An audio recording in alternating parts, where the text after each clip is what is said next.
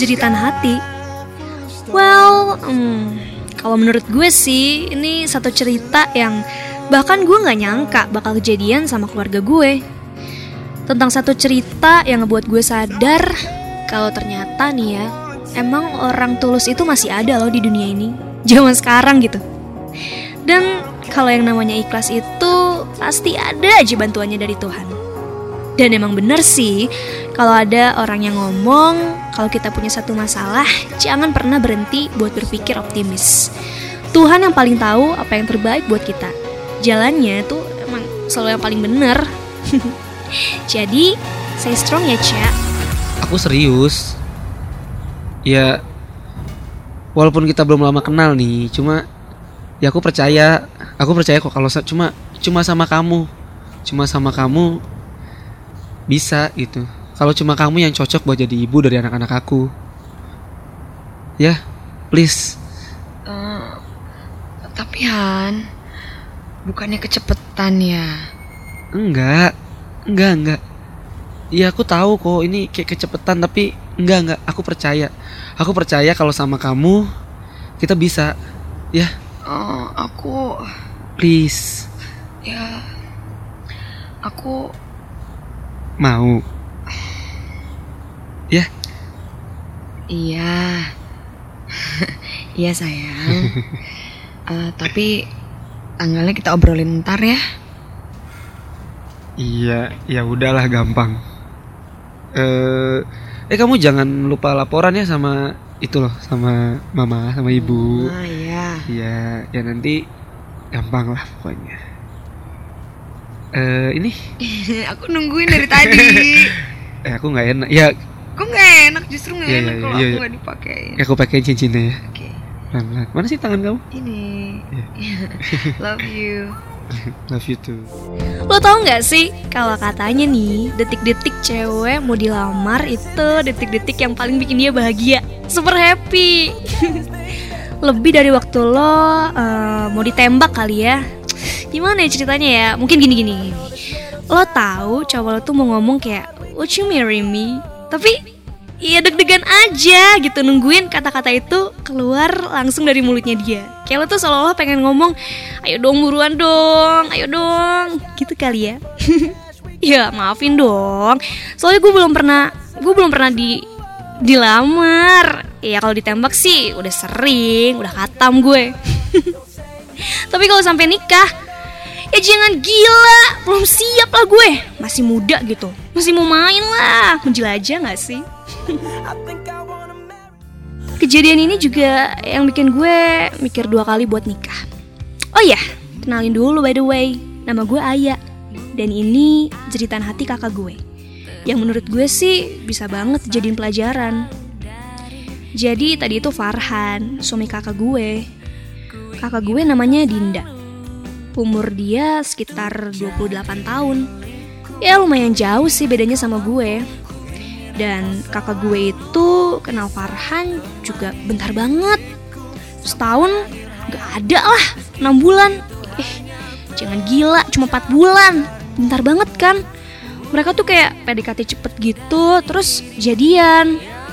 Ya kakak gue sih sebenarnya as a girl udah mapan banget. Dia kerja di salah satu perusahaan yang wow. Terus gue rasa juga karirnya bakalan mulus. Soal fisik, ya lo tanya lagi. Cantik banget. Lo tau Risti Tagor gak sih? Nah, nah iya ya, persis, persis banget sama Kak Dinda. Persis sama Kak Dinda pas dia udah di kerudung. Kafarhannya juga lumayan, bersih lah tampilannya. Pokoknya kalau buat gue, mereka berdua tuh cocok banget dan suka bikin mupeng. Bahkan ya, setelah mereka nikah. Pa, pa, Woi, tadi lihat casan mama di mana nggak? hah? Casan yang mana, mah? Aduh, yang mana lagi sih pa? Ngeledek mulu nih. Eh, enggak enggak, aku Papa beneran nggak tahu. Emang tadi Mama simpen di mana? Ah, yang mana tahu sih pa? Kalau tahu kan nggak akan dicari. Oh iya. ya udah udah bentar nanti Papa bantu cari ya. Eh, mana sih? Iya ya? Tuh terakhir kali naruh tuh di meja. Di mana emang di mana? Meja situ tuh. Coba, nggak ada di sini nggak ada. Coba, Mana ya ketinggalan gitu ya? yang ini bukan, yang ini. Ini nih, nih, nih, ini. Yang mana sih? Ini, kamu sini dulu coba. Ini bukan. Yang mana? Orang papa nggak pegang apa-apa. Mana sih? Udah Ini. Coba, bercanda merem beneran. dulu, merem Ini dulu, merem handphone dulu. aku baterainya udah mau habis Iya udah ini nih. merem dulu. Kamu coba dulu nih. Yang ini bukan. Iya apaan sih, Pak? Coba coba tangannya. Ih, Pak. Eh, ini bukan. Hah? Ini, coba. Ya kan? Tuh, mirip kan? Eh, Ih, Pak. Tuh. Yang kenal sih. Em, apa ya? Em, apa ya? Apa? Em, casannya papa. Ya tuh udah lama. Ih. Oh, cium dulu. Yuk. Mupe gak sih lo? Aduh, masalahnya tuh ya Waktu itu mereka tuh masih tinggal sama gue sama nyokap juga Jadi kayak mupeng-mupeng cuman geli gitu tau gak sih dengernya Mana gue gak ada cowok lagi Well, ya gue tuh nggak nguping sih sebenarnya, cuman emang mereka ngomongnya keras banget. Nggak sadar kali ya mereka. Namanya juga pengantin baru, lagi anget-angetnya kali. Cie. Seingat gue sih sekitar satu bulan Kak Dinda sama Kak Farhan masih tinggal di rumah. Mereka beres itu pindah, mutusin buat ngekos gitu deket kantornya Kak Dinda. Nah, seingat gue sih di sini nih keadaan mulai berubah. Beres cuti nikah dan bulan madu, Kak Farhan suka izin gak pulang gitu beberapa kali. Eh, bahkan sampai berminggu-minggu. Gue kasihan sama Kak Dinda. Belum lagi kalau gue inget sih kayaknya kejadian itu di awal-awal kehamilannya Kak Dinda deh. Pah, masa nggak pulang lagi? Ya kamu bilang lah sama bosnya. Bilang sama dia, istrinya kangen gitu. Udah berapa minggu sih, Pak? Hah? Apa? Ya, ya masa nggak ada tanggal pastinya? Ya mama kangen. Ya aku tahu, aku tahu uangnya juga buat aku. Tapi masa sih seribet ini? Ya enggak, bukan mau ngajak berantem. Iya enggak, iya ya udah iya iya iya, enggak enggak mau berantem. Ya, hmm, papa udah makan. Oh ya udah, syukur. Udah ya mama udah makan kok. Hmm, sehat. Cuman nggak tahu tadi pegel aja kemarin lembur. Iya iya. Eh, eh, Pak. Hmm, gimana ya nyampeinnya? Hmm, ya kabar baik.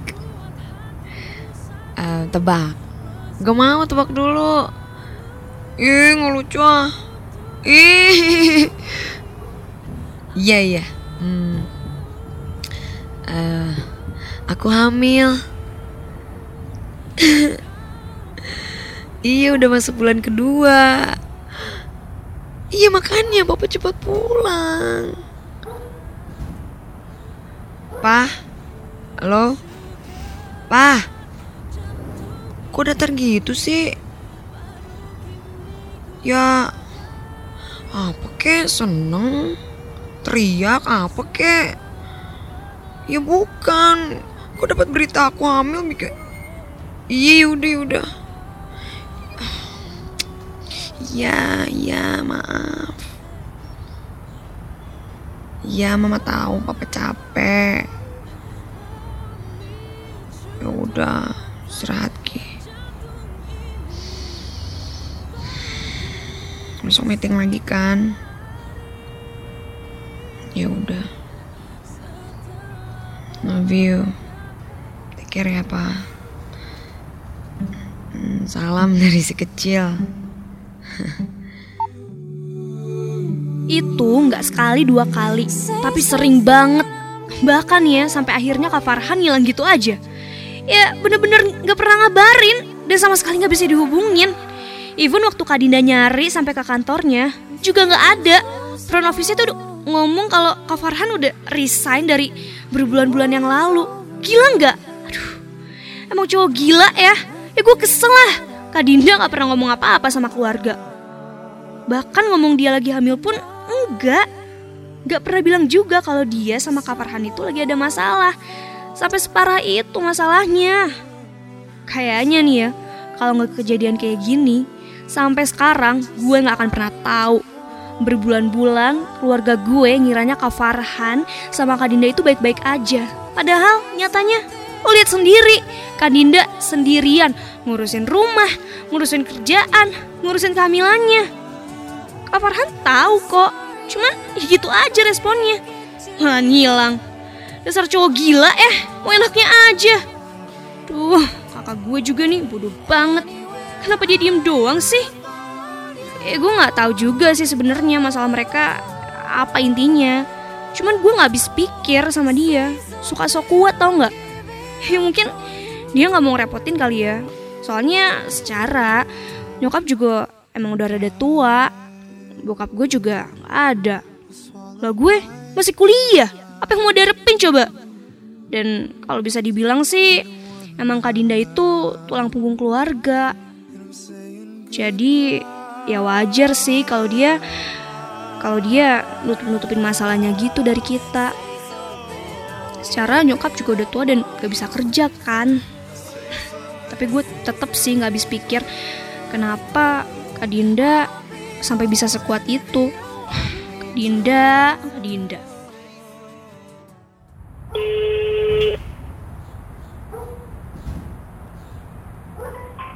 Nomor yang Anda tuju tidak dapat dihubungi.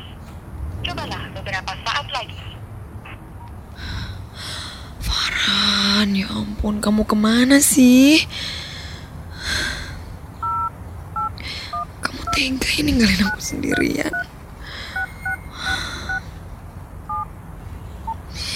Gimana sama anak kamu ini? Not answering. Udah berapa bulan?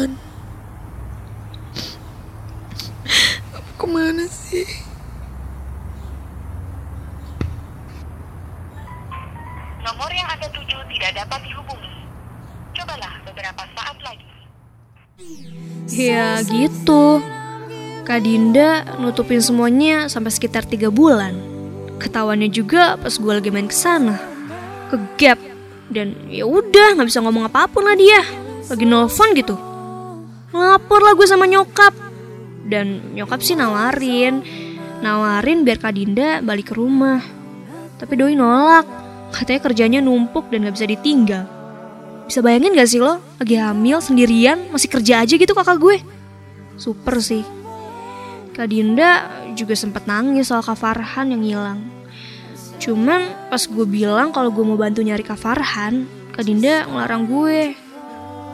Dia takut kalau nanti kenyataannya bakalan lebih nyakitin dia. Malahan ya, Kak Farhan itu udah gak pernah ngirimin duit lagi sama kakak gue. Jadi ya kayak udah nikahin anak orang, terus ngilang dan gak tanggung jawab. Ngeri kan? Makanya, gue juga gak tega sih sama kakak gue. Di sana tuh gue gak mau bahas yang terlalu dalam gitu soal Kak Farhan. Well, Kak Dinda cuma bilang kalau gue harus jagain nyokap. Kak Dinda nitipin nyokap sama gue. Karena dia ngomong dia bakalan sibuk kerja dan ngurus kehamilannya juga. Hmm. Aduh. Sabun mana ya? Hmm. Ya ilah. Tinggal di atas. Eh. Itu si ibu yang kemarin kan? Kok bengong melulu ya? Tuh kan, kan. Cuma berdiri, nengok kanan kiri, terus duduk lagi. Ini anak-anak gak ada yang ngeh gitu Buset Hamil gitu perasaan sendirian terus dia Hmm Samperin ya? Samperin Enggak. Samperin Enggak. Eh Samperin aja deh. Kasihan bener mukanya pucat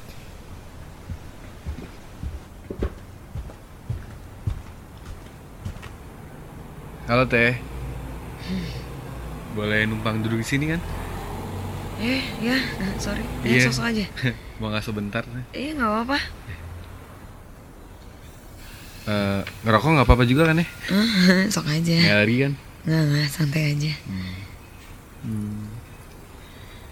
Nungguin siapa teh? Hmm, apa? Nungguin siapa? Oh, enggak, nggak ada. Oh iya. Hmm. Teh, kalau ada yang bisa dibantu bilang aja loh. Oh, iya, iya.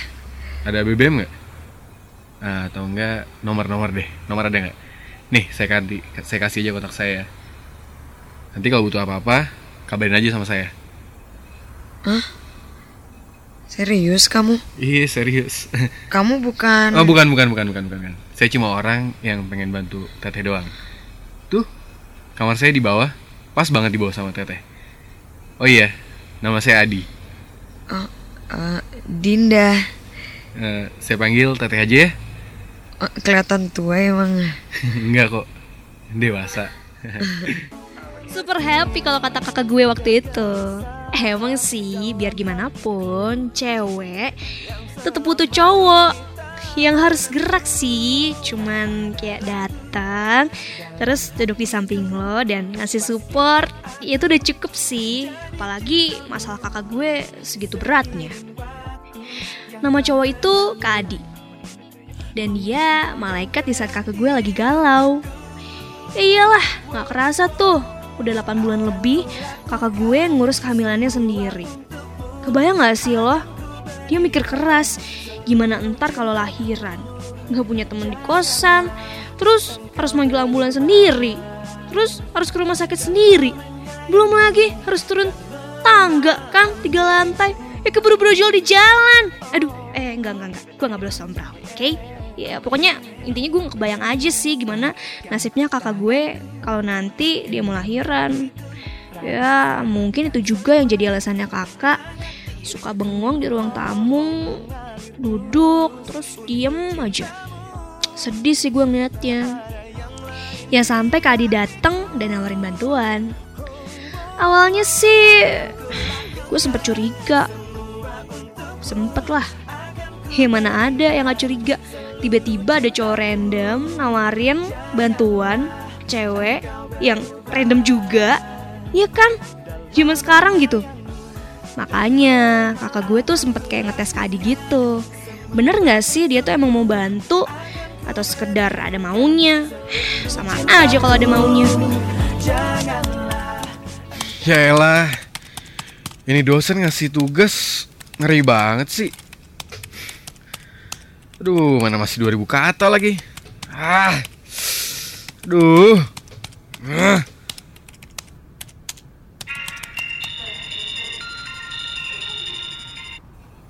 Halo?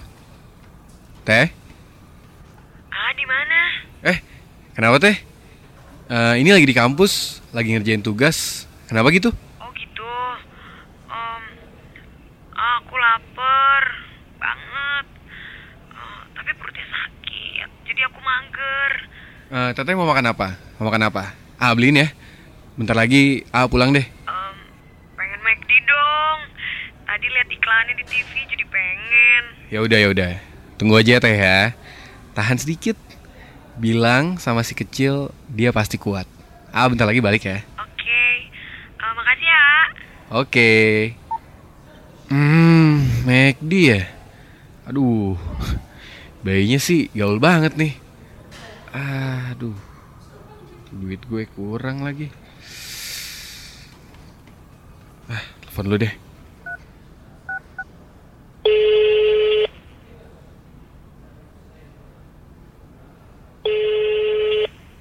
Halo Jack. Lo di mana? Oh, lagi di kantin. Eh, nggak biasa biasa. Lagi bawa duit nggak? lo? Ya, gue minjem bentar. Besok gue ganti deh, ya. Gue janji kok. Pasti gue ganti besok. Oke? Bisa nggak? Bisa. Oke, sip sip sip. Makasih ya. Ternyata dia emang beneran baik. Pokoknya nih ya, apa pun deh, apa pun Kak Adi rela lakuin asal bikin Kak Dinda happy. Ya, namanya juga orang idam, ya suka aneh-aneh lah. Dan itu tuh nggak cuma sekali, tapi berkali-kali gitu. Bahkan katanya sih, waktu Kak Adi nggak punya uang, dia sampai rela minjem gitu ke temennya demi buat beliin kakak gue makanan. Gila nggak lo? Tapi nggak tahu kenapa ya, Kak Adi tuh nggak pernah ngeluh. Sampai satu malam itu Kak Adi lagi ribet banget ngurusin tugas kuliahnya.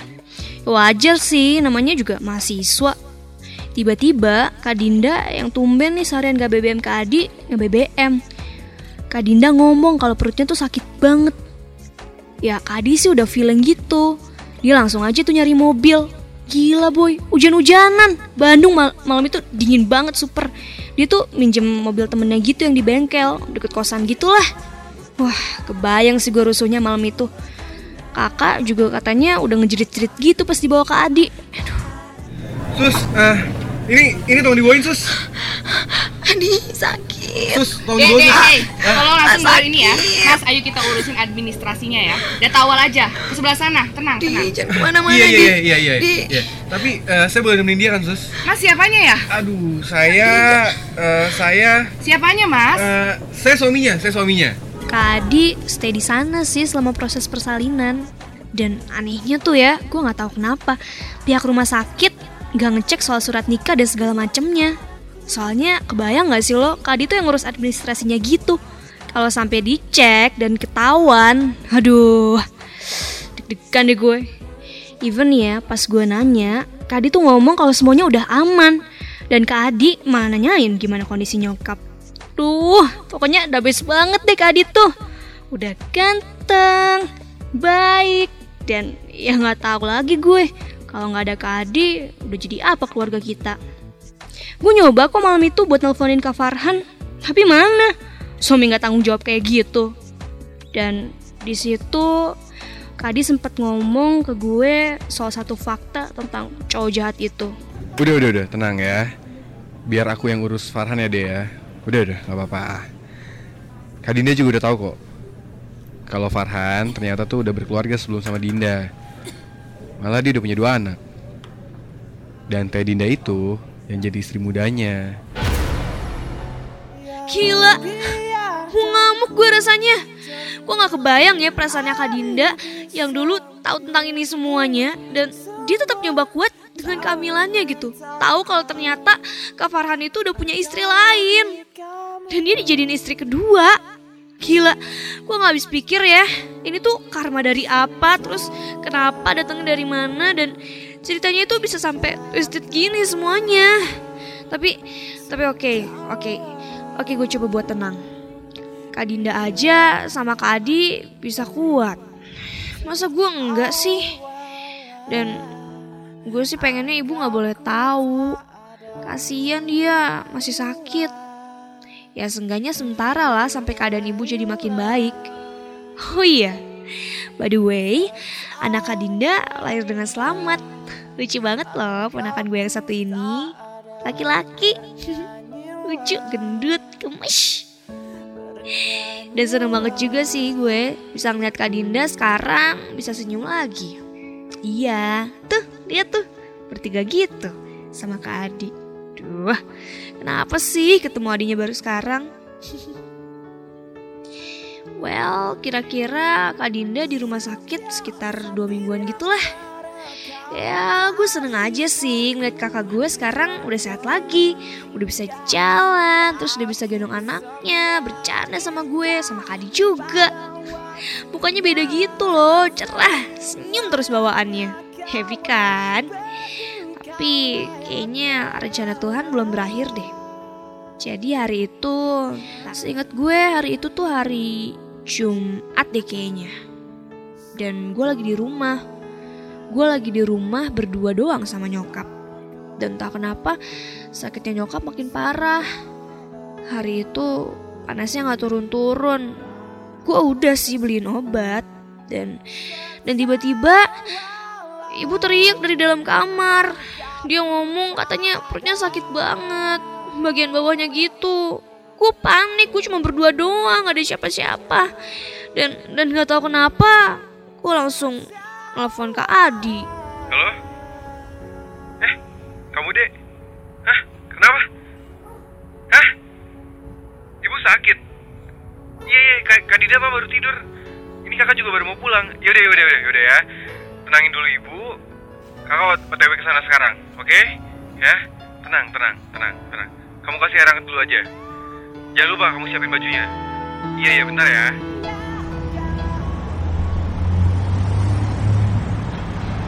Di jalan, ibu, ibu beneran banyak banget.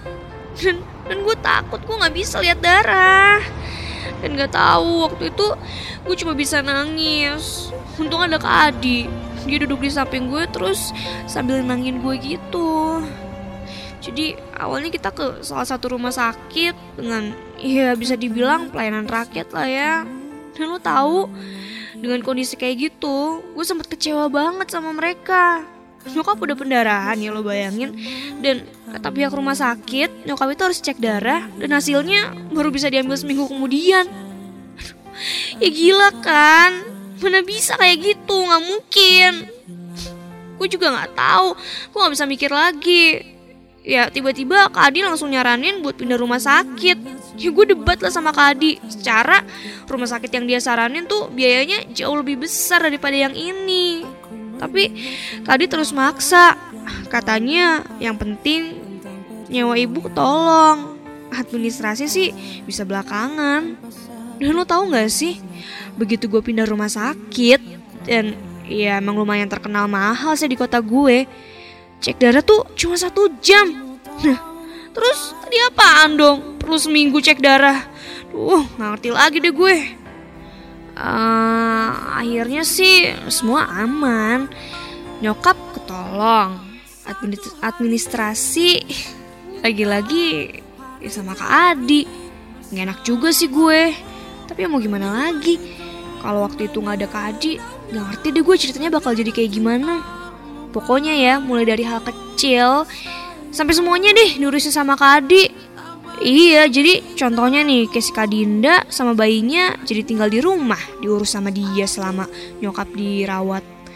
Ya kata Kak Adi sih Dia selama nyokap di rumah sakit juga ikut nungguin gitu di rumah Biar Kak Dinda gak kerepotan Bahkan ya sampai gue balik lagi ke rumah Sampai nyokap udah pulang dari rumah sakit Kak Adi masih setia nemenin Bahkan sampai sekarang Udah kayak malaikat ya kalau lagi tidur kayak gini.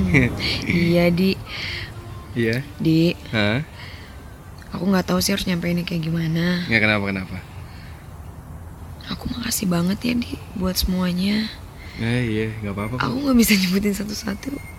Aku juga nggak tahu kayaknya ucapan terima kasih nggak cukup. Aku aku harus gimana ya? Udah nggak apa-apa. Aku cuma niat nolong doang kok. Iya cuman aku makasih, aku makasih buat buat semua yang udah kamu lakuin buat aku, buat keluarga aku, aku makasih.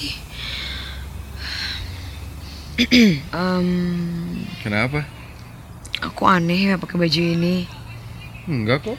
Bagus. Pas gitu. Kayak ibu-ibu. Enggak beneran. Nggak kelihatan kayak ibu-ibu. Oh iya, Iya. pas. Pas. Pas banget di badan kamu. Kamu suka Suka ngeliatnya santai. sama baju aku, Iya. sama badan aku, Iya. sama badan aku. Iya, badan kamu tuh kayak gini tuh bagus gitu. Ah, Emang kenapa? kamu mau sama aku? Eh, maksud kamu? Iya, kamu mau nggak sama aku? Eh, enggak, enggak, enggak, enggak, enggak, bukan gitu maksudnya. Enggak. Kenapa? Katanya kamu katanya pas. Iya. Katanya suka. Iya bajunya Iyalah, pas, apa- badan apalah kamu aku. bagus, ya kan? Dan aku enggak. Iya, gitu. ya udah kalau nggak mau sama aku, sama adik aku aja. Dia Eh, cantik. sorry, enggak, Umurnya enggak. juga Enggak, enggak. deket sama kamu. Bener deh, ya. Niat aku tuh tulus, aku cuma pengen nolong kamu aja. Aku nggak mau lah kalau ntar dibilang aku sengaja nyari celah karena adik kamu cantik atau karena aku mau sama kamu atau Tapi ya di, gitulah. tapi di aku harus gimana? Aku nggak enak. Aku kayak Iya, nggak bisa udah, balas apa pun. Udah, nggak apa-apa, nggak usah dibales ya. Enggak Udah. gitu. Kamu udah terlalu baik sama aku, sama keluarga aku. Apa pun lah, apa pun. Aku milik kamu. Enggak, enggak. Aku tuh cuma niat nolong banget ya. Dan aku udah anggap dia nih kayak anak aku sendiri. Aku juga jadi banyak belajar. Jadi ya udah, Terus aku harus ngapain di? Ya udah. Kamu kamu kayak gini aja, jalani hidup kamu, ya. Aku nggak enak, aku nggak bisa balas apa pun. Udah, apa pun udah, di udah. di aku Udah, udah. di aku aku punya kamu. Udah udah, eh jangan sembarangan ngomong ya. Lihat tuh, lihat cincin di tangan kamu tuh. Serius, aku ikhlas, cuma pengen nolong, ya.